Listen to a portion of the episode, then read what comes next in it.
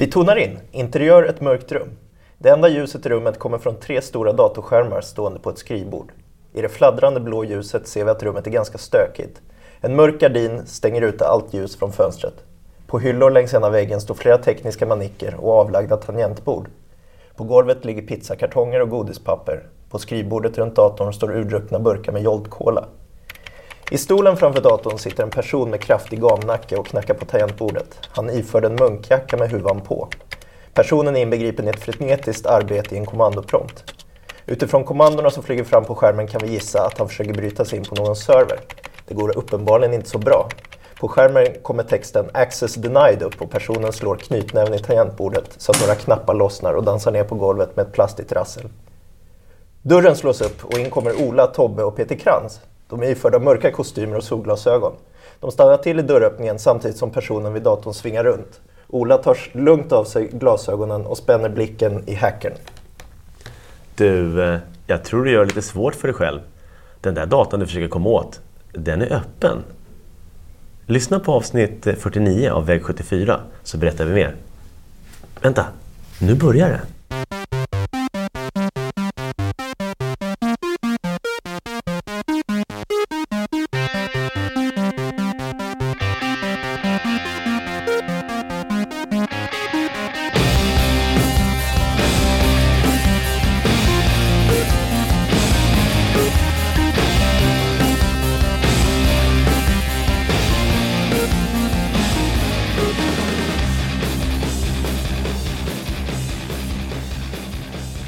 Hej kära lyssnare och välkommen till Väg 74. En podcast om mjukvaruutveckling. Idag sitter jag här i Gamla stan med Tobbe. Hej Tobbe! Hej Ola! Och Peter Krantz. Hej Peter! Hej! Varför eh, är du här Peter? Eh, jag har kommit hit idag för att prata lite om öppna data och öppen förvaltning, eh, hoppas jag. Ja, och eh, varför är det just du som sitter här då? Eh, det får du svara på faktiskt, Ja. men jag har hållit på med det ett litet tag så jag har väl kanske lite um, erfarenheter och annat runt det. Ja, inför det här avsnittet så pluggade jag på lite grann om vad, vad öppna data är och då gick jag, så googlade jag lite och så man, jag behövde inte ens lägga till Peter Krantz för att eh, det skulle dyka upp öppna data-länkar. Men så klickade jag in och så började jag läsa, bara, jäklar det här är, det är riktigt intressanta grejer. Så kollade jag på datumet där så började jag skämmas så stod det typ 2011 på de här. Och då kände jag att jag, det här, det här borde jag ha tagit tag i för länge sedan. Ja, jag tror att du, du kan det här, kort och gott. Kanske. Ja, Lite. vi kan väl ehm, innan vi sätter igång med själva huvudämnet öppna data så vill vi riva av en standardpunkt. Mm. Men innan vi gör det Mm. så vill vi... eh, Återkoppla till den här utmaningen som har löpt ett tag. Just det, Det har inte så här eh, strömmat in några svar, men vi har faktiskt fått ett eh, den här veckan. det handlar ju om eh, vad våra lyssnare hade för förhoppningar och förväntningar på året egentligen. Precis. Lite som eh, nyårsönskningar. man istället för löften. Och eh, Andreas Jansson har eh, skickat in eh, sina mål för 2017. Han ska genomföra något form av hobbyprojekt pro- projekt tillsammans med Dajo med någon Daniel Hägerqvist. Han ska lära sig touchtype ordentligt, läsa fler tekniska böcker och inte göra bort sig helt på nya jobbet. Mm. Det, är, det är en ganska, eh, in- inte diger lista, men det är härliga förhoppningar. Ja. tycker jag. Skriver under på dem där. Jag har ju gjort en annan, eh, Speciellt göra hobbyprojekt med Dajo. Nej men göra hobbyprojekt i alla fall. Och eh, förra året så lovade jag mig själv, eller lov, jag lovade inte, men jag hade någon förhoppning om att jag skulle läsa mindre teknisk litteratur och mer skönlitteratur. Mhm. Och Hur gick det då? Ja, det gick bra. Jag har läst massvis med skönlitteratur. Jag tror att jag kommer eh, svänga lite grann i år och läsa lite mer teknisk litteratur. Det där glädde mig särskilt mycket som jobbar på bibliotek. Det är Ja. jättekul, eller hur? Ja. Bibliotek är, är liksom en sån här en liten sån här gömd juvel, så att säga, en liten skatt. Jag gick jättemycket på bibliotek när barnen var lite yngre och lånade böcker. Massvis med böcker som är svåra att få tag på. Finns på bibliotek. Och när jag insåg det blev jag hur glad som helst. Ja, men det är, eh, det är ett av de få eh, grejerna kvar i samhället ju som har som är öppet för alla utan att det kostar pengar. Ju. Ja. Eh, vilket jag tycker är en rätt schysst grej. Liksom. Att biblioteken är ju inte bara en samling böcker som många tror utan det sker ju en massa aktiviteter på bibliotek också. Man kan lära sig grejer. Liksom. Det är en kunskapsplats. Eh, Och den är verkligen öppen för alla så man satsar på att ja. du inte behöver fika dig igenom stället med din laptop som vissa kaféer kanske och så här, att det kostar pengar. Ja. Mm. Precis. Ha, ska vi ta en liten inzoomning? Absolut. Jag tyckte du hade ett fantastiskt förslag där Peter. Du och din son ska göra någonting i helgen. Just det, vi ska vara på Stupid Hackathon eh, i helgen eh, som jag tycker verkar vara en jättekul idé. Mm. Eh, där man inte ska göra någonting, eh, alltså hacket man håller på med får inte vara mm, meningsfullt eller produktivt. En slags antites till allt det vi gör på dagarna. Jag känner det. det, det. Men jag gillar den här tanken på något sätt att man, eh, det är oerhört nyttofokuserat. Ibland är det väldigt eh, skönt för huvudet att få göra någonting med samma verktyg som man håller på med på vardagarna fast som kanske inte är så oerhört nyttofokuserat. Mm. Så det ser jag fram emot väldigt mycket faktiskt. Det kräver att tänka lite utanför boxen.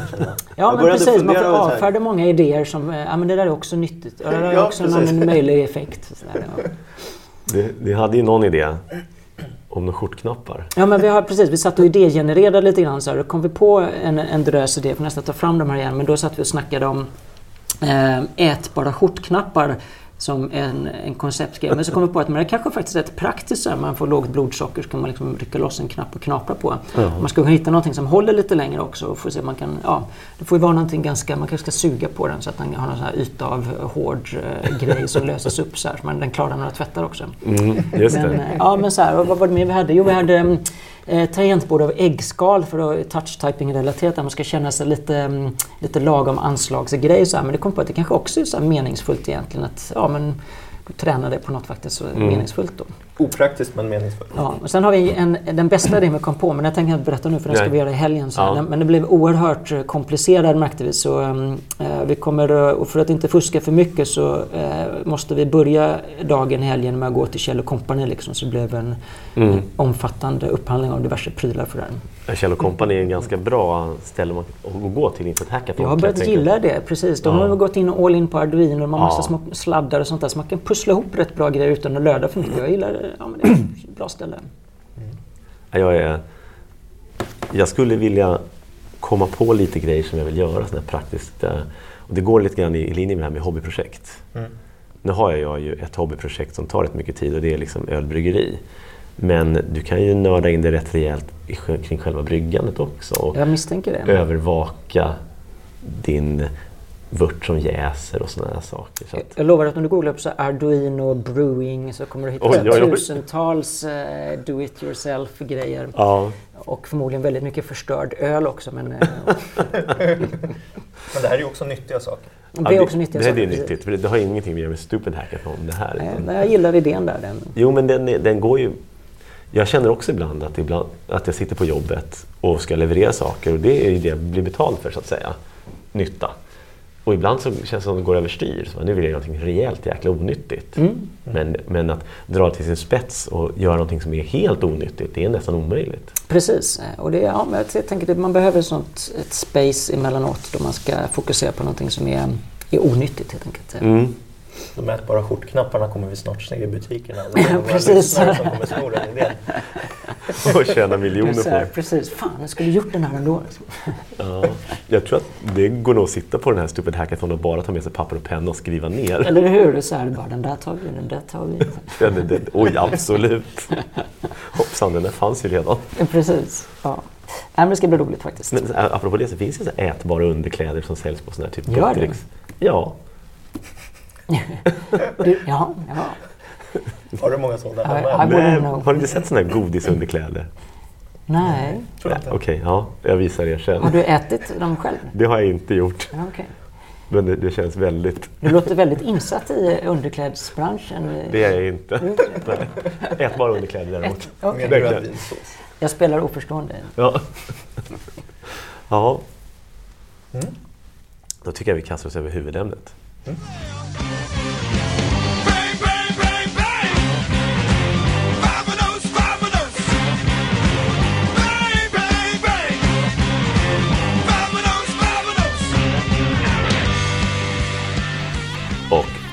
som den programmerare, tekniskt orienterade person jag är så känns det att vi kanske måste definiera det här. Vad är öppna data? Eh, ja, vi kan eh, prata lite och det, det är bra att definiera det faktiskt. Mhm. För att det har varit ganska många som har ehm, eh, kanske försökt eh, säga att man jobbar med öppna data fast det inte har varit fullt så där öppet som eh, man skulle Lite vilja. grann som alla var agila för ett Ja men lite sam, det är exakt samma stuk och jag tror det är en generisk grej så att det kommer någon ny grej som blir populär, det skrivs mycket om den och då vill man ju gärna man vill vara lite affilierad med Jag vill också vara agil och jag vill Och också cool. Ja men jag vill också jobba med öppna data Mm. och, mm, och så till slut så är det någon som eh, börjar inse att vi måste ha en definition så här så ha- hamrar man ut en definition. Det finns några olika men en som har, har landat nu är den här på opendefinition.org eh, där man har spaltat upp liksom att de här grejerna gäller liksom. Eh, Och man kan säga i korthet att öppna data är eh, data som du får göra i princip vad du vill med. Med som största motprestation att eh, ange källan. Men det finns många som hävdar att du inte ska behöva göra det heller egentligen utan det ska vara kunna göra precis vad som helst. Då. Det betyder till exempel att du inte kan ta betalt för datat för då kan du inte liksom komma åt den och göra vad du vill men du får inte inskränka det kanske i att du inte får behandla den på vissa sätt och sådär heller. Eh, och det var ju då för att se till att, ehm, att det inte blev så mycket snack runt saker. Att man skulle kunna värdera en datakälla och se liksom, är den här öppen eller inte. Så att det inte blev någon grej. Sen finns det så, såklart mängder med varianter av det. Eh, där det är kanske tillräckligt öppet ibland för att göra saker som man faktiskt vill göra. Eh, men inte öppet enligt hela definitionen. Men, men de flesta strävar efter den här open definition eh, på öppna data. Mm. Sen, sen ställde jag ju frågan, heter det öppna data eller öppet data? Och det var ju Ja precis, och data är ett pluralt ord så vi för till protokollet att öppna data är det korrekta att säga här. Ja. Eh, Men det, jag tänker också språket är en dynamisk grej så emellanåt förändras sånt där och eh, om någon säger eh, öppen data tillräckligt många gånger så kommer vi snart att kalla det öppen data. Mhm. Eh, Men låt oss inte fastna i detaljerna. Nej. Nej. Nej men då, då kan vi liksom... De som är intresserade av den här definitionen går in på opendefinition.org Precis, och, och slutar ta betalt för sitt öppna data. det är en bra start Ja. tycker jag. Då kan vi liksom kanske lite gå vidare på så okay, varför... Det finns öppet data, öppna data förlåt. varför är det viktigt då?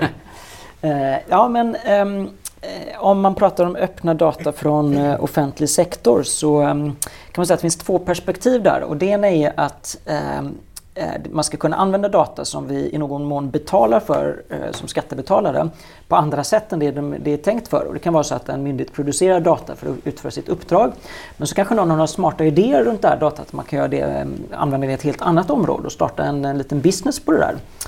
Och det är skitbra för startar man en liten business på det här så genereras det kanske intäkter som kanske blir skattemedel som kanske gör någonting i samhället bättre och effekten av dataanvändningen kanske gör att någon annan process går smidigare också.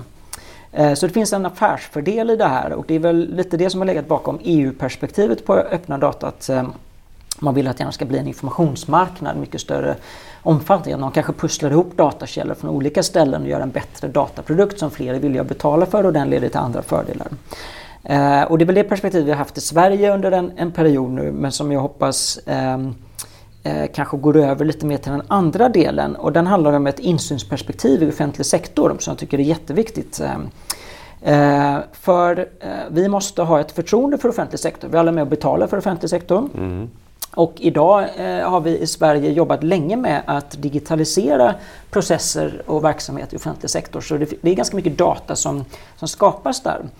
Och då kan man med hjälp av den här informationen eh, ta reda på hur offentlig sektor spenderar pengar i upphandlingar och vad man använder pengarna till på en ganska detaljerad nivå. Eh, och hur de presterar, liksom. vad är outputen på det här då? Eh, och i Sverige har vi haft en offentlighetsprincip som vi firat eh, nu i förra året, 250-årsjubileum för. Och det, det är delvis ett litet problem för att den är inte helt digital än. Eh, och jag tror att vi skulle behöva göra mycket mer runt det här transparensperspektivet. För att få ut data från offentlig sektor som fler kan rota i och kanske hitta korruption eller någonting annat som gör att förhoppningsvis förtroendet ökar på sikt så att alla känner att de här myndigheterna de använder pengarna på rätt sätt. Liksom, att det finns ingenting konstigt här. Ehm, och det tror jag är en pusselbit i den här, eh, om vi- vi ska ha en offentlig sektor, eh, att det där förtroendet är på plats. Vi har ju en digitalisering av, av data i Sverige som har pågått. Jag tror vi var ganska tidigt ute med det. Precis. Och eh, det medför ju, du sa det här, vi pratade lite grann före om att med den här ökade digitaliseringen, sen när du ska få ut datat om du inte kan få ut det i digitalt format utan får ut det liksom en print-out av en databas. Och det där är ett rejält problem för journalister som vill göra granskningar eh, ibland. Och, eh, ibland får de en printout av en databas och så måste de OCR-tolka den där liksom, stacken av sidor för att kunna göra någon dataanalys på det. Mm. Och, eh, jag känner mig inte jättebekväm med det för jag skulle vilja att fler kunde granska eh, myndigheter och, och, kommuner till exempel lite mer löpande. För man ser också att journalistiken kanske brottas också med intäktsproblematik och annat för att, eh, att överleva. Och vi behöver ha den här tredje statsmakten och granska eh, granska offentlig sektor som, vad som händer. Och då tror jag dataanalys kan vara ett väldigt effektivt sätt att göra det på. Mm. Och I idealfallet så jobbar man med granskning och upptäcker att eh, det här verkar skitbra. Liksom. De här myndigheterna verkar köra, de gör vad de ska, eh, går inte till några excesser med någonting. Och, eh, och det kanske ökar förtroendet för att pengarna spenderas väl. För vi, vi kanske tror ibland att vi är väldigt, eh, eller har väldigt lite korruption i Sverige men jag tycker ibland bubblar det upp lite grejer som det här Fastighetsverket som eh, var på tapeten för ett tag sedan och så här, som man kanske kan mm. hitta i detaljerna. Och eh, jag tror att fler skulle behöva tillgång till att göra den typen av granskning och förstå liksom hur, hur det fungerar. Ja, men det är ju, ju fler som kan lägga ögonen på, på data och eh, manglar på, på sin bredd och ledd desto, desto mer kan du, kan du få ut av det gissar jag. Precis. Vi, vi kanske kommer komma till det eh, lite senare men det finns ju, det behöver inte vara en offentlig verksamhet utan det kan också vara en, en privat verksamhet som skulle kunna tjäna på att, på att uh, göra ditt data off, off, vad heter det? Göra ditt data fritt. Ja. ja. Precis, vi berörde det lite förut. Det finns ju även företag som kanske har jobbat med att ge tillgång till data eh, på ett liknande sätt. Och där eh, Eh, det finns ett standardexempel och det var det här kanadensiska guldgruvebolaget som mm. hade kört fast lite i, i, i prospektering för att hitta var de skulle borra efter nya fyndigheter och helt enkelt dela med sig av något av det känsligaste de hade, det vill säga informationen om liksom vad de hade mätt upp för någonting tidigare. Och eh, startade en crowdsourcad innovationstävling runt var ska vi borra härnäst och hittade, hittade guld helt enkelt. Det är en så här, eh, nästan känns som en tillrättalagd saga men det var ändå en, mm. en, ganska praktisk användning av information och delar man med sig av den så kan man dra nytta av innovationskraften som finns utanför organisationen också. Eh, och det är säkert jätteläskigt för det är en total mindsetförändring i många fall. Liksom. Man måste byta perspektiv och det som tidigare var väldigt hemligt kanske måste göras mer öppet. Ja, jo, det, i det här fallet så, så var det väl så att de hade en massa data och eh, hade väl anlitat också någon expert innan och sagt ja, men hjälp, oss med, eh, hjälp oss hitta nästa guldfyndighet. Precis. Och betalade den här personen massa pengar. Precis. Och det gick inget bra. Nej, det hjälpte inte. Liksom. Och till och slut så fanns det kanske flera andra som då, de, hittade, vad det var, de fick fem förslag och fyra av dem hittade de guld på. Liksom. Ja. Så jag tror att det är ett, ett effektivt sätt. Vi har internet nu och det är en, en fantastisk möjlighet just att eh, engagera folk globalt i olika saker. Det är en, jag tycker det är, trots att vi har det och haft det ett tag, underutnyttjat emellanåt. Och det kanske beror på den här mindsetförändringen som måste till ibland. Ja, jag tror... at home kommer jag att tänka på. ja, precis. Det är samma styck, crowdsourcing-delen av att du hittar folk som är intresserade av ett väldigt smalt ämne på väldigt många ställen mm. ibland och de kan gå ihop och göra någonting. Ja, på något sätt så har vi nu en informationsstruktur som kan lösa upp, som du sa, den här knuten av innovation, innovationskulturen. Då, då. Precis. Håller på att förändras lite grann.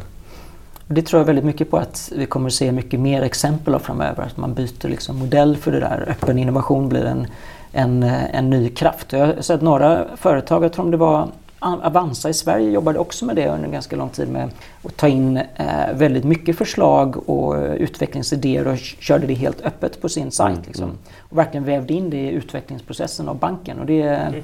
Jag gillar det som liksom grundidé. Typ. Jag vet inte om de fortsätter med det sen men det är ändå... Det, det finns ju också en en forskare på MIT, eh, Erik von Hippel, jag hoppas jag kommer ihåg hans namn rätt, som har forskat i den här eh, öppen innovationsgrejen, hur man kan jobba med det systematiskt. Eh, och han har också försökt researcha vad, vad många av de här innovationerna kom ifrån från början, de som vi tar för givna, alltså hjärt och lungmaskiner och lite mm, annat. Mm.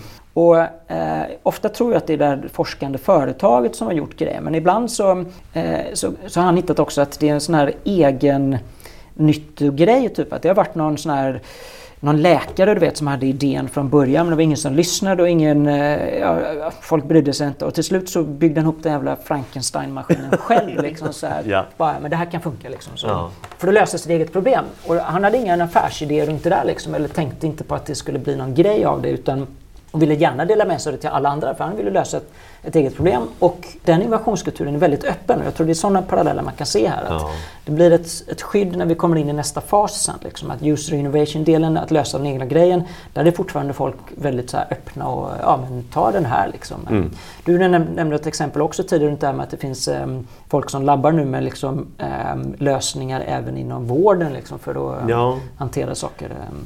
Precis. Det, är, eh, Eh, det jag pratade om då det är en app, eller vad ska säga, en, en samling programvara som går under namnet Nightwatch som är för personer som har diabetes. Och då finns det en så kallad så här FGM som känner av löpande blodsockernivån som är väldigt viktig för diabetiker då med typ 1 diabetes som använder sig av insulin och som måste hålla koll på sitt blodsocker. Och då är det så att du har en, en sensor som du sätter i armen eller på något ställe på kroppen och sen så läser du av den här med NFC-teknologi. Mm. Och då är det någon som har kommit på att men du kan ju sätta en klocka där, typ en Sony-klocka som har, kör eh, Android och sen läser av den här och så skickar du upp det här på nätet till en databas. Och så drar man upp en Heroku-instans och sen så får du plottat en blodsockerkurva. Och det där är väldigt bekvämt. Det känns mycket tryggare för föräldrar som har barn som har diabetes till exempel. Som vet att barnet är på dagis eller fritids eller i skolan. Och så kan de se så här att eh, aha, nej, men nu ligger de inom målområdet för, för blodsockervärdet. Och du kan få Eller- mycket tätare mätpunkter då också antar jag. Ja visst, mycket. Kontinuerliga liksom, snarare än att varje gång man orkar läsa av själv. Precis, och, och, precis det är just den här att orka läsa av. Det kanske inte är, så här, men det är klart, hur jobbigt kan det vara att läsa av? Men om du behöver göra det 20 gånger om dagen så blir det en liten, kanske en grej eller inte. Men om du har den här klockan på armen som läser av hela tiden, det, det, är liksom, det underlättar ganska mycket. Mm. Och- Det, det är väl ett jättebra exempel på just att någon vill, för, försöker lösa ett problem. Liksom. Och Mm. så delar man med sig av koden kanske för det här och, och lösningen. Och det är lite det vi ser av också när em, folk bygger lösningar på öppna data från offentlig sektor. Eh, det finns många exempel på det här med em, eh, data om eh, kollektivtrafiken. Liksom, där man Ja, bygger SL. Ja, men SL-data eller ute i landet på andra ställen där man vill ha en specifik app som bara visar just hur många minuter det är kvar till min bus- busstations eh, avgångstid för just den här linjen, för det är den jag tar till jobbet varje morgon och sånt. Och där kan man inte lita på att SL någonsin kommer att bygga en särskild app. för Men de hade väl inte en app för, från början vad jag vet? Eh, Det tog väldigt lång tid innan de gjorde en egen sån. Hade en mobil webbplats och lite så här. Och och Mm. nu har vi ju väldigt många olika speciallösningar som gör att man kan kanske hitta lösningar för just sina specifika behov. Och det Mm. gillar jag väldigt mycket att den här floran av liksom bättre UX-grejer dyker upp runt data. Så man kan säga att öppna data kan bli en jätteviktig pusselbit i bättre användbarhet egentligen av, Ja. av liksom saker som påverkar folks eh, liv. Eh, samtidigt finns det såklart mängder med exempel på när man testar och bygger lösningar på öppna data som dör sotdöden tre månader senare. När man är enskild utvecklare som bara "Jag orkat och så ligger den här appen där och är lite halvkass. Liksom. Ja. Vilket är precis så som det funkar med allting annat. Liksom, att vissa grejer eh, nådde aldrig liksom över tröskeln. Nej. Men om man inte får prova det så kommer man aldrig hitta de där 10 av 100 som faktiskt nådde över tröskeln och blev skitbra. Nej, precis. Det, är de, En av mina absolut mest använda appar är Tågtavlan.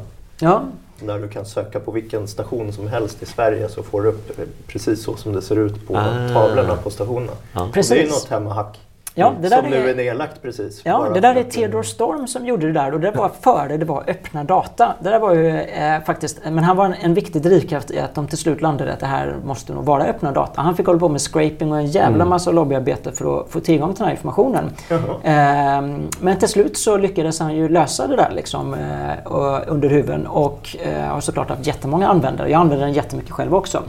Eh, Men det kanske är så ibland att den har gjort sitt i några år nu och nu finns det andra som kan ta över det spåret liksom och jobba vidare med det om man vill. eh, För att han löste sitt eget problem, vad det var han ville få till. Liksom.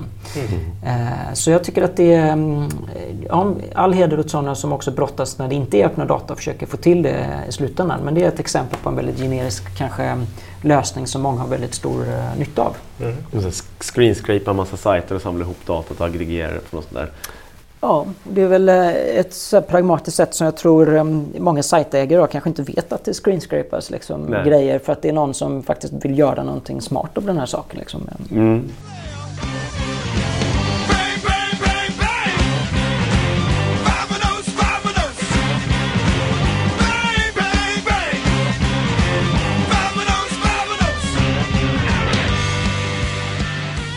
Men då, då, då kanske vi glider in lite grann på, på sådana saker. Så Okej, okay, låt oss säga att du, du köper den här idén. Så här, ja, vi, vi, vi ska köra öppna data. Men sen så, okej, okay, hur ska vi börja dela med oss av det här? Precis, eh, och där tror jag att det är många som tänker att man ska starta ett stort projekt runt det. Liksom. Men ja, det ja. Mm, jag hör många projektledare som sitter och skriver med sin lilla penna. Precis, men det är ju så att det går att testa eh, eh, på ett oerhört mycket mer pragmatiskt sätt. Det gäller att ha lite koll på vilka data man delar med sig av så man inte delar sig av känsliga data om, om privatpersoner och annat. Men mm. i de flesta myndigheter finns det många datamängder som är helt okänsliga ur det perspektivet. Men eh, det går ju faktiskt att sätta upp och dumpa ut en CSV-fil och börja med någonting oerhört pragmatiskt istället för att spendera miljoner på en API-tjänst eller någonting mm. som är mer avancerat. Och så kan man anpassa det där istället man får lite riktig feedback sen. Eh, för en sak som är lite svår det är att veta kanske också vilka data som faktiskt är användbara. Och, eh, det är lite svårt att, frå, fråga någon innan så här, vem, vem ska du fråga? Så här, då brukar motfrågan bli så här, men vilka data har ni då? Ja, vi har de här. Ja, det var inte så intressant. Eller, ja, men nästa person tyckte det var intressant. Och ibland måste man lägga ut det för att se och låter det gå en tid och så, hittar man någon som hittat rätt till och börjar göra massa grejer med det. Mm. Men eh, så ska man vara krass också att alla datamängder var inte så himla intressanta eller löste något viktigt samhällsproblem. Trots att vi kanske trodde att de var det från vår myndighet för vi har jobbat så himla mycket med den här informationsmängden. Ja. Men, och det är därför man kanske inte ska spendera för mycket pengar från början på tillhandahållaren utan göra det väldigt pragmatiskt. Och idag har vi ju internet och vi har um, stora möjligheter att lägga ut datafiler eh, utan att det behöver vara särskilt kostsamt och då kan man till låg tröskel testa det liksom och se vilket, vad är det som flyger och vad är det som inte flyger. Mm. Jag läste ju en, det en av de sakerna som du hade skrivit. Det, ditt exempel var väl där meteorologisk data om hur de nådde, liksom spikade varje morgon mellan 7 och 8. De hade gjort ett API och sen så varje morgon så kollar alla sin telefon för att se så, okay, vad är det för temperatur idag, vad blir det för... Och då känns det som att den här, eh, de som tillhandahåller den här datan, de blir DDoS-attackerade, tror de. Precis, men det är det som är grejen. Att, eh, jag, jag, skulle ju som utvecklare kanske inte alltid vilja eh, vara beroende av att av ett API som driftas av en myndighet som inte vare sig kanske har i uppdrag eller pengar att hålla det där online med rätt liksom, skalbarhet eh, och så. Och det är därför man kanske ska börja med att se till att det här datat kan tankas ner i bulk någonstans. Så att mm. den som utvecklar kan sätta upp sin egen liksom, server med det och syndikera över datat istället. Så att man, eh, det blir lite mer distribuerad lösning. Och eh, det betyder ju också att all API-design är också en avvägning liksom vilka typer av anrop man kan göra mot ett API. Och eh, det gör ju kanske att ett dåligt designat API gör att folk måste göra flera anrop för att göra en simpel mm. grej. Mm. Och då är man tillbaka i den här follan igen då att ja, men hur många typer av API-anrop ska man understödja och vilken designprocess har man för dem där. Mm. Så bulkdata först brukar jag tycka är en bra start liksom, så kan man fila på det andra sen. Det låter som en väldigt pragmatisk eh, approach. Ja, men och bulkdata är mycket enklare att publicera också. API är ju it's complicated stuff liksom, ja, ibland när du ska göra frågor, och filtreringar, avgränsningar och det blir processning av data som kanske är Men helt... ladda ner en CSV-fil, det kan nästan vem som helst göra? Det kan man göra och ibland är det inte realtidsdata och då behöver du uppdatera, uppdatera den där kanske en gång i kvartalet eller sånt och det är ja. liksom inte så komplicerat. Liksom. Nej, speciellt om du ska göra någon form av mashup och slänga ihop flera typer av Precis. öppna data, då kanske inte alls är så beroende av realtidsdata. Nej. Och där får du också in det här som du sa, den här aspekten med feedback. Precis, och det är väl bästa grejen är om du får feedback på någonting som någon tycker är mm, att någon har hittat fel i dina data, mm. kvalitetsfeedback, eller att man vill att det ska vara data på ett visst sätt. Då är det dragande behov för någonting som man faktiskt kanske borde fixa. Mm. Men då är det baserat på en verklig efterfrågan istället och inte på en, en hypotes som man kanske måste göra i början och designa för alla på något sätt. Nej, Nej jag gillar den. Det var en, lite av en ögonöppnare man tänkte på ur det, den aspekten. Precis, sen vet vi att alla utvecklare tycker det är rätt kul att bygga API ja, och ja. eh, microservices och eh, sådär. Och då kanske det är eh, Eh, inte jättekul att säga att någon ja, men sätt upp en Apache-server med directory browser och lägg en CSV-fil här. Det kanske inte känns Kan vi inte, kan, kan vi inte göra en microservice som publicerar en liten CSV-fil? Ja, men så skulle det kunna vara. Så här. Typ. Bara, då säger du till mig, det är helt galen, det där kan man göra med, med Apache. Precis, allt går oj, med oj, Apache. Oj, det tänkte jag inte på. Nej. Precis. Nej, men du, du nämnde också det här data för återanvändning. Och eh, då pratade vi lite grann, SL hade, man hade inte en app. Nej, men, och sen så var det, nämnde du någon katalogtjänst för vetenskaplig output. Ja, men det, det var ett exempel från min egen eh, myndighet ehm, eh, som ju är ett bibliotek också. Mm. Vi har en massa metadata om saker, till exempel om vetenskapliga publikationer, eh, forskningsrapporter och annat. Mm, mm. Och då ehm, var det några som ville bygga en särskild söktjänst för designforskning. Och det hade ju vi kanske aldrig byggt. Liksom. Jag vet inte om det är ett use case som vi... Det är som att vi skulle bygga särskilda söktjänster för väldigt många specifika liksom, forskningsområden. Ja. Men givet att eh, metadatat var fritt att använda så kunde de bygga en design research eh, search engine eh, med eh, snyggt layoutad och som bara söker just den informationen som de letar mm. efter för att sprida information om designforskning i Sverige. Och det tycker jag är en, en, ett bra exempel på att ja, man får ett mycket mer specifikt use case som någon annan kan göra liksom, mm. Mm. genom att datat är fritt. Och det gäller för övrigt mycket av de här eh, kollektivtrafiklösningarna som finns också. Om man går in på trafiklab.se finns det ju mängder med projekt där de minsta verkligen bara visar avgången för en viss linje vid en viss station. Liksom, ja.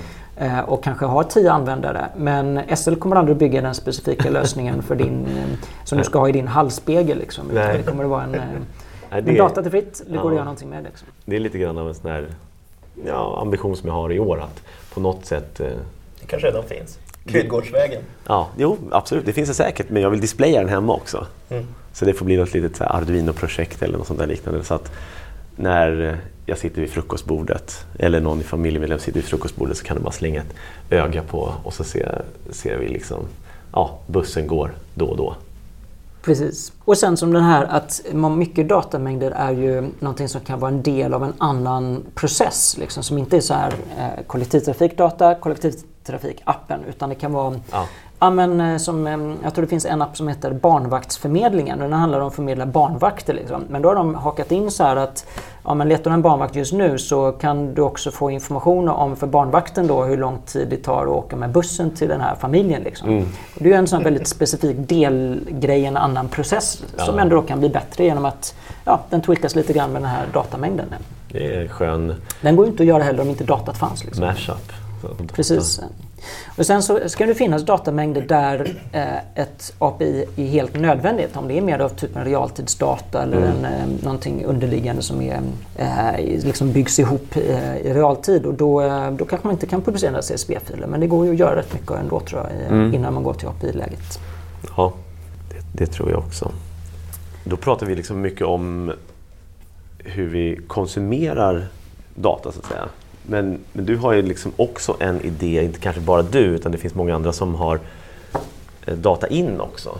Precis, eh, för om vi pratar vidare runt det här spåret med tjänsterna, liksom, att vi kan göra eh, tjänster baserat på data som vi har fått ut, så tror jag också att det finns eh, fler som vill vara delaktiga och göra tjänster i myndigheters processer, alltså skicka in data i, i myndighetsprocesser. Och det kanske är lite mer komplicerat för då blir alla livrädda. Så, Oj, vad, vad kommer det in för data ja. nu? Liksom, och, vad, är, vad är det här? Liksom. Men jag är övertygad om att det finns en del tjänster som gör det där redan via brutal integration med formulär på gamla webbplatser. Liksom, man kanske inte faktiskt vet att det där är ändå en tjänst som Peter... Eller att den drar in ett mail med själva grejen. Så ja. Och, um, ett exempel är den här Fix My Street um, från början i Storbritannien tror jag som uh, gjorde det lättare att rapportera problem i, i, din närmiljö till din lokala kommun. Liksom. Uh, så jag tror det var mailbaserad uh, för de flesta. Och ehm, Ja men där måste man ju hantera sin process som kommun ändå. Mm. inkommen grej som, ja, det var bara att peta in den i processen. Eh, fast den var snyggare formaterad och hade bättre underlag och GPS-koordinater för någonting och kom från någon app. Liksom. Men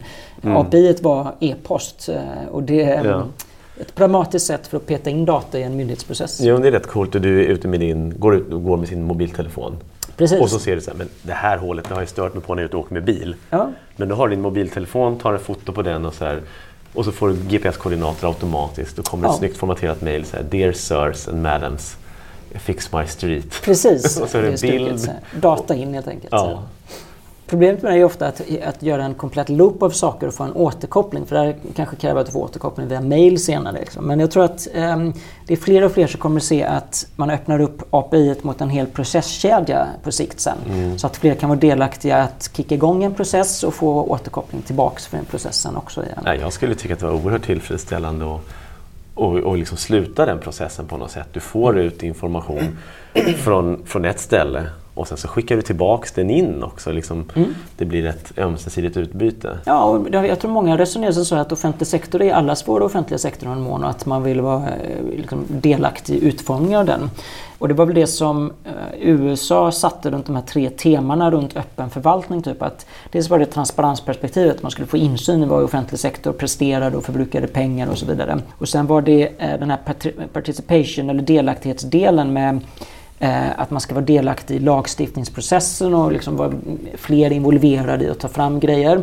Och sen var det den sista delen, collaboration, att man vill vara med och samskapa tjänster och liksom det mm. som vi håller på med i samhället. Och då tror jag att Fix My Street är ett bra exempel på det. Och jag kan tänka mig nu alla de här eh, vad heter de, Google Home och Alexa och de här som börjar snacka med oss på hemmafronten nu som eh, är ett slags sätt att där du kommer vilja se att andra vill jobba mot ett API för att skicka in. Jag vill säga till Google Home typ att eh, anmäl vab för min dotter ja. idag. Liksom, eh, och så löser den det. Liksom. Och det kanske är redan någon som har hackat ihop det här. Liksom. Det kommer ja. komma sånt också. Fast någon har gjort det via en sms-brygga till Försäkringskassan eller vad det är som ligger Jo, men en sån, en sån vab-knapp tror jag att många föräldrar skulle vilja ha. Precis. Eh, vissa fast nu är vab-träsket i vabruari liksom, och då ja. kanske man vill eh, optimera det lite grann. Ja, men du har en switch hemma bara. Som, Flip the switch. Flip the switch är så här, så vab on, boink. Precis, så och, då är så, så, allting är anmält till alla som behöver det. Liksom. Du måste ha en, en vab-knapp för liksom vardera vårdnadshavare då, om det är fler Precis, vårdnadshavare. Nu är det liksom så här, nu är det pappa Ola, bling! Precis. och nu är, det, nu är det den här personen. Eller hur? Ja. Och så, så skickar den, när den där vabben är på då, en gång per dygn så loggar den in i ditt e-lägg liksom på något sätt. Fixar det under huvudet åt dig. Ja. ja. varför inte? Liksom? Du skulle göra den här vardagsgrejen lite mer hanterbar kanske. Ja, lite roligare framförallt. Ja. Om, om det finns någon form av projekt som du kan ladda ner. Klona ett GitHub-repo, ladda ner den där. Du köper en knapp, Arduino-grejer. Och sen kan du ha saftblandare också när det där har varit avslagen. Så här, så här många dagar utan vabb. Precis. Precis, målet är att ta sig igenom månaden typ. Så. Ja. Nytt rekord. Eller hur? Ja. Men det är lite, du sa det också här eh, på försnacket att en design för alla är en design för, för ingen alls. Det finns en risk för det i alla fall, att det blir så ibland. Och det är det, den här utmaningen för många myndigheter är ibland med tjänster, just att de, de ska funka för, för alla. Mm. Eh, eh, och det blir väldigt så breda målgrupper och man måste tumma på rätt mycket saker i det ibland. Eh, och därför tror jag att öppna data eh, och liksom en öppen förvaltning i allmänhet kan skapa en större flora av mer specifikt riktade tjänster eh, för mer specifika användningsändamål. Mm. Nej, men det, det, det tror jag också.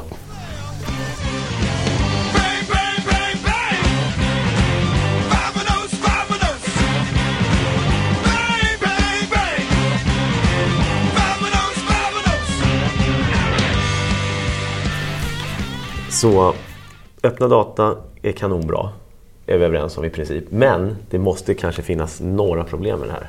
Eh, det gör det såklart. Eh, dels så kanske inte alla data ska vara öppna data heller. Det finns ju mm. mycket informationssamlingar i myndigheter med väldigt känslig information. jag ser framför mig hur du matar in ett personnummer och så får du se hur mycket pengar den personen tjänar från Skatteverket. det hade varit praktiskt. Eh, ja, idag är det bara att ringa och fråga så kommer okay. du få deklarerad inkomst rakt upp och ner i telefonen. Ju. Okay. Men det finns ju såklart, en, en utmaning är ju till exempel inom Eh, när det finns samma typ av data i olika organisationer. Till exempel har ju alla kommuner kanske en grunduppsättning ungefär samma data. Ja. Och där kanske alla gör lite olika när de ska publicera de här datamängderna. Man gör det i olika format och på olika platser och så vidare. Så den som vill göra en smart tjänst som funkar i hela Sverige till exempel har ju en, en rätt stor uppförsbacke att eh, börja rota på 290 kommuners webbplatser och försöka hitta de här datamängderna. Mm. Så det behövs både standardisering av syntax och semantik så mm. att vi jobbar lite med informationsstandarder men även kanske aggregering ibland för att underlätta. Och då har vi öppnadata.se nu som eh, nyss har gått över till Riksarkivet som ett särskilt uppdrag att jobba med öppna data i Sverige. Och där tror jag på sikt att det kommer underlätta lite grann för då kanske du hittar samma typ av data lite mer strukturerat. Lite mm. lättare att liksom, peta in det i någon gemensam grej. Eh, sen vill man att det där ska fungera kanske på europeisk nivå, global nivå också. Det finns inget som hindrar att en tjänst som har att göra till med miljöövervakningsdata skulle vara relevant och, eh, i alla delar av EU eller andra länder. Och skulle vi ha standardiserade data skulle man kanske kunna aggregera ihop mängder med data. Mm. Den här, om jag åker till Italien så funkar fortfarande Eller att fixa min gata-appen mm. som jag har på svenska här också funkar i Italien. Ja. Den vet var jag är någonstans, så vet den vart den ska skicka det någonting. Mm. Så, men där återstår en del jobb och eh, som vanligt är det som någon XKCD har sagt att inte det inte saknas standarder utan det är alltid någon som ska se upp där så blir det en standard till. Ja, eh, det är det som är så bra med, standarder, att alla kan ha sin egen. Precis.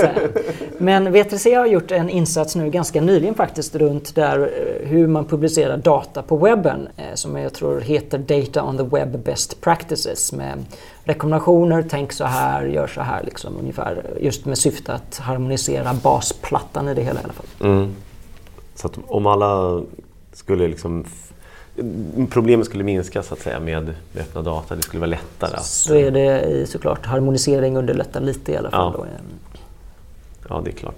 Så om man bestämmer sig för nu så här, okej, okay, det är väl egentligen två aspekter på det här, men jag tänker så här, nu har folk lyssnat på det här och känner så här, jäklar vad sugen blev på att liksom, ta mig an det här. Så finns det två aspekter så här, på, på så här ska jag göra nu. Det är väl som konsument var ska, var ska jag vända mig först då så att säga? Ja, eh, just nu håller man på att bygga upp den här öppna data.se så flera myndigheter har börjat peta in information om sina dataset där. Mm. Där, där, ligger inte själva datat utan det ligger liksom information om här finns den här datamängden och den ligger hos den här myndigheten här borta. Så det är i alla fall en vägvisare till det. Och jag eh, tänker ofta att eh, Nej, det är ingen idé. Alla har redan byggt alla appar som går att bygga på det här. ja, liksom. det känner jag också. Men det är ju inte så. Det finns ju alltid någon som har en skitsmart idé som, där alla trodde, ja oh, shit, eh, vi har redan gjort klart det här området. Och så är det någon som kommer, nej men jag gjorde så här. Och bara, oj, oj, oj. Mm. Och det, jag är helt övertygad om att det finns mängder med innovationskraft kvar runt eh, även kollektivtrafikdata. Även om jag vet inte om det finns säkert hundra olika lösningar runt det nu. Mm.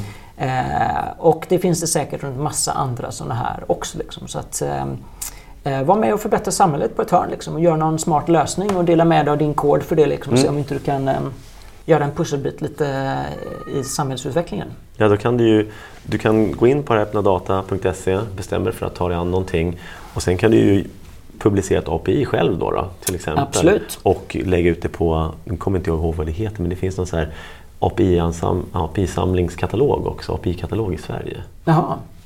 Ja men det kanske det gör. Mm. Ja men just det, är inte det Andreas Krum som har kört sådana API.se och sånt? Jo, något ja, sånt. Ja. Nej, men det, jag tror det finns mycket sådana grejer att göra och ibland finns det ju produkter att göra genom att hjälpa till att aggregera data mm. eh, som gör det lättare för andra. Och, Eh, förvånansvärt nog är det folk som vill betala för sånt ibland också genom att ha stabil API-access ja. till eh, alla de här CSV-filerna som kanske låg utspridda. Mm. Um, jag har fått en fråga några gånger liksom om så här platsbundna data. Typ. De vill veta var alla så skolor, badplatser och sånt ligger i, um, i, i, Sverige. Och det vill man ha en stabil grej till för man vill jobba egentligen med en annan produkt. Uh, ja. och det kan man säkert tänka sig att prenumerera på. Liksom. Och jag tror att det finns en hel del sådana som man tänker sig, nej det är för enkelt, det är ingen som kommer att vilja ha det där. Men att det finns faktiskt sådana som behöver byggas fortfarande, som inte är särskilt komplexa kanske heller än. Mm. Jag tillsammans med Carl Wettin försökte eh, jobba ihop ett alternativt postnummersystem eh, på ja, postnummer. Det kommer jag ihåg. Ja. Ja. Där eh, vi såg att det var över tusen personer varit delaktiga och crowdsourca in ett eh, data om liksom, adresser och deras postnummer i Sverige CC0-licensierade. Mm. Och, eh, så det finns mycket fler än vad man tror ibland som vill göra någonting och bidra till något. Ja, om det är någonting som de känner, antingen är det väldigt lätt att bidra, som i det, i det fallet kommer jag ihåg, eller så är det någonting som folk vurmar för. Precis. Och då kom, går det mycket energi och kan du kanalisera den här energin så har du lyckats med någonting. Och jag tänkte på också det här när vi pratade om den här Gold Corp och problemet idag är ju egentligen inte att få tillgång till information utan det är kanalisera det här på rätt sätt. Och just Goldcorp, de hade ju det var ett annat problem att med den här informationen så är det, det är inte alla i världen som kan liksom gå runt och bara gräva efter guld. Nej precis, det är ju inte så att, eh, så att massa gymnasister hemma och väntade på det där. Liksom. Men det fanns kanske tillräckligt många som hade koll för att det ja. skulle kunna bli något. Och vill ändå bidra. Så mm.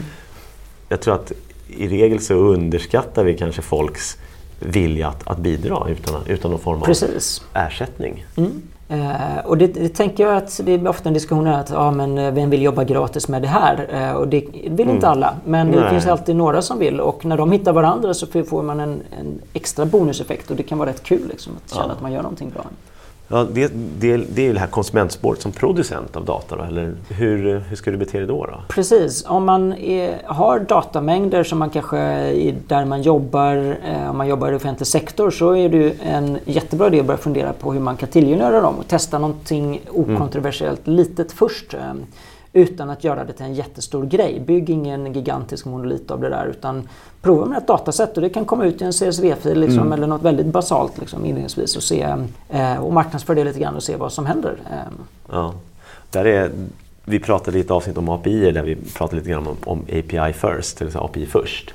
Men här är liksom lite mer CSV first. Eh, ja, och jag tror att det finns... Ehm, eh, ibland har man massa vetskap också om att eh, det kanske finns ett behov om man har fått massa frågor på en viss typ av data så att det finns ett användarbehov man kan utgå ifrån. Och då mm. kan man ju börja i den änden kanske så att man inte eh, lägger ner för mycket pengar på att tillhandahålla det där. Och bygg inte den här som sagt stora API-grejen när man vet att den behövs. Nej. Nej, det är någonting som det känns väldigt det slår an hos mig. Bygg inget stort först utan börja med det absolut enklaste. Precis. Tänk att vi, vi, vi sammanfattar det här hela med att säga ni som är väldigt sugna på det här, eh, titta in på öppnadata.se och den här API-katalogen som heter mashup.se. Så var det. Mm. Den, att titta på den här mashup.se, jag får, det bara liksom pirrar hela kroppen. Jag vill liksom bara sätta ihop någonting så fort jag bara tittar där. Sen så, sen så gör sig verkligheten påmind på något sätt. Precis. Ja, med de orden så kastar vi oss över vår sista ordinarie programpunkt. Mm. There can be only one. Då är det tävlingsdags. Mm. Jag räknade ut uh, att uh, det står 15-14, skulle det kunna stämma? Det kan stämma. Till, 15 till dig och ja, 14 okay. till mig. Och jag är först ut eller? Är du först ut? Nej, du är först ut. Mm. Det betyder att det är väldigt, väldigt jämnt och väldigt spännande. Mm. Du ville ha en siffra mellan 1 och 16? 2. Ja, den har du redan tagit. Mellan 1 och 15 menar jag förresten. Då tar jag 1. 1? Mm. Nu känner jag hur, hur jag blev nervös här. Mm. För fem poäng ska mm. jag läsa lite kod för dig. Åh oh, nej! Ni vet att det var semikolonets dag häromdagen? nej. uh, include qvsvdef.h Edict underscore t stjärna sv underscore player. Jag tror att det är Quake. Det är rätt! ja! Hur fasen tog du det på det där? Grymt! Åh oh, fy fan. Jag tror att det är Quake World, QV står för Quake World. Ja. Och SVDF, det tror jag är liksom, det vet jag inte vad det står för, det är kanske software definition, men det är någon så här, det är, någon, det är C-kod. Mm. Och eh, QV, jag tror att jag tog bara på QV. Jag har ju spelat vansinnigt mycket Quake. Ja, jag vet ju det. och faktiskt läst QV-kod. Så att det är någonstans i bakhuvudet så, så hänger det. det där var grymt tycker jag. tackar, tackar. Jag behövde inte ens läsa hela kodstycket. Nej. Uh. För fyra poäng så var det när du försöker avsluta får du ett av sju olika meddelanden. Exempelvis If you press Y to quit I will summon Satan, or, Satan all over your hard drive. Och det kommer inte jag ihåg. Ja.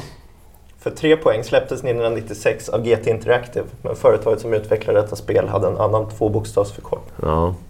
Två poäng. Välkända manövrar innefattar bunny hopping, strafe jumping för att inte tala om rocket jumping. Ja, ja. Och för en poäng, Ola har varit med i SM i denna tidiga First Person Shooter. Ja, stämmer. ja, det, det sköljer över mig minnena nu hur jag satt på efter jobbet på Södersjukhuset och spelade massvis av Quake och sedermera Quake World. Quake World var ju egentligen den här multiplayer-anpassade varianten. Jag vet inte exakt varför, men den var bättre med TCP/IP. Jag tror att den första versionen kan ha varit ett annat protokoll. Mm. Mm. Andra fem poängen på rad. Ja, det var lite oväntat. Ja. 2014 står det då. Mm. Du är en poäng från att gå ut då. Just det. Mm. Vi kör till 21 i den här tävlingen. Mm. Ja, nej men... Peter, om man vill komma i kontakt med dig och liksom bara sitta och nördprata och öppna data. Ja men då är jag rätt person, då kan man kontakta mig. Det, Ja. Då bjuder jag särskilt på fika också. Åh, vad trevligt.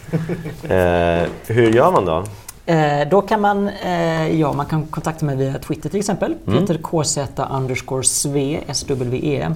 Eh, dåligt valt Twitternamn för jag hade ett jättetidigt Twitterkonto eh, och så tänkte jag men ska jag ha ett för det jag skriver på engelska Mm. och ett jag skriver på svenska och sen kollapsade det där och så har jag kvar det här dåliga underscore SWE. Går det inte att byta Twitter-handle? Eh, Jo, fast de flesta är väl upptagna nu med Ja. något så här kort fint som... eh, Jag tänkte ju ta något tidigt, eh, kort när jag hoppade på det tidigt. Ja. Har jag- Får jag berätta en Jag möter Lasse-grej? Absolut. Eh, Jag var på en Ruby on Rails-konferens i den första Ruby on Rails-konferensen typ 2000, kan det ha varit 6 eller 7 eller något sånt där. Mm. Och i eh, Chicago, och så, så hade de en sån amerikansk konferenssittning med massa runda bord. Eh, så skulle man sitta vid något läge och sitta och prata lite så här med andra som var där. Och eh, vid mitt bord så satt några som höll på att bygga någon eh, mikrobloggingtjänst som skulle ersätta sms. Asfult GUI typ, de har byggt det i Ruby on Rails. Eh, och, eh, och det var ju de eh, Twitter-utvecklarna. Ja, ja, shit. Eh, Den här bisarra tjänsten. De, de visade den på någon laptop där så, och jag bara kände, åh gud vilken dålig idé det här är. alltså, alltså, vem kommer vi ersätta sms liksom? Jag kommer orka skriva in de jävla konstiga... Nej, det Mm. såg för jävligt ut också. Så det var min Jag mötte Lasse-historia. Så kontakta inte mig för financial advice för det jag gjorde. Alltså. Ja, har du någon e-postadress eller? Eh, Peter snabla peterkrantz.se, KRANTZ kan man bra mejla till. Mm. Och eh, vill folk komma i kontakt med oss Mm. så är det som vanligt via Twitter som är enklast. Mm. Att Tobbe Anderberg, att Elnestam Mm. eller till våra gemensamma, eller podden så att säga, att vag 74. Mm. Sen går det att mejla också, podd at agical.se. Jajamän. Och med de orden så tackar vi så mycket för den här gången så hörs vi om två veckor. Och ett stort tack till dig Peter. Tack själva, jätteglad att få komma hit. Ja. Hej då! Hej då! Hej då!